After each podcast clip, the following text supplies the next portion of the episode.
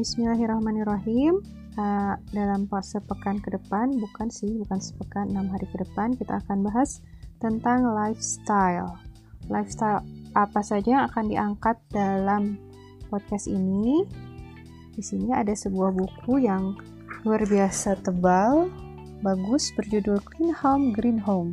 Jadi bagaimana kita hidup green, hidup green, hidup hijau gitu ya Nah, salah satu judul yang akan saya dibahas di sini adalah tentang cara mengelola sampah.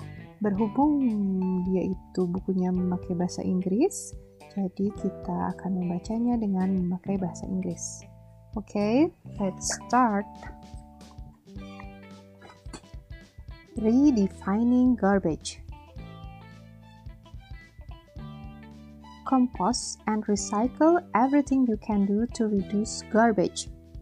The EPA calculates that the average American produces 4.6 pounds of garbage per day, or as a nation, 251 million tons a year. Lucky for the planet, the definition of garbage gets a lot narrower in a greenhouse living according to the order of the three R's reduce, reduce, reuse, recycle means that products that are unnecessarily or wasteful, such as disposable shower wipes and temporary disposable food storage containers, are not purchased in the first place so the amount of disposable waste is reduced. Products like computers or baby gear are donated for reuse, and anything and everything that can be it's recycled.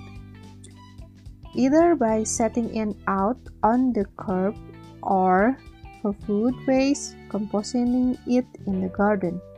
When trash day comes, you can tell you can tell a greenhouse by a small side of the garbage can in composition to the large size of the recycling bin.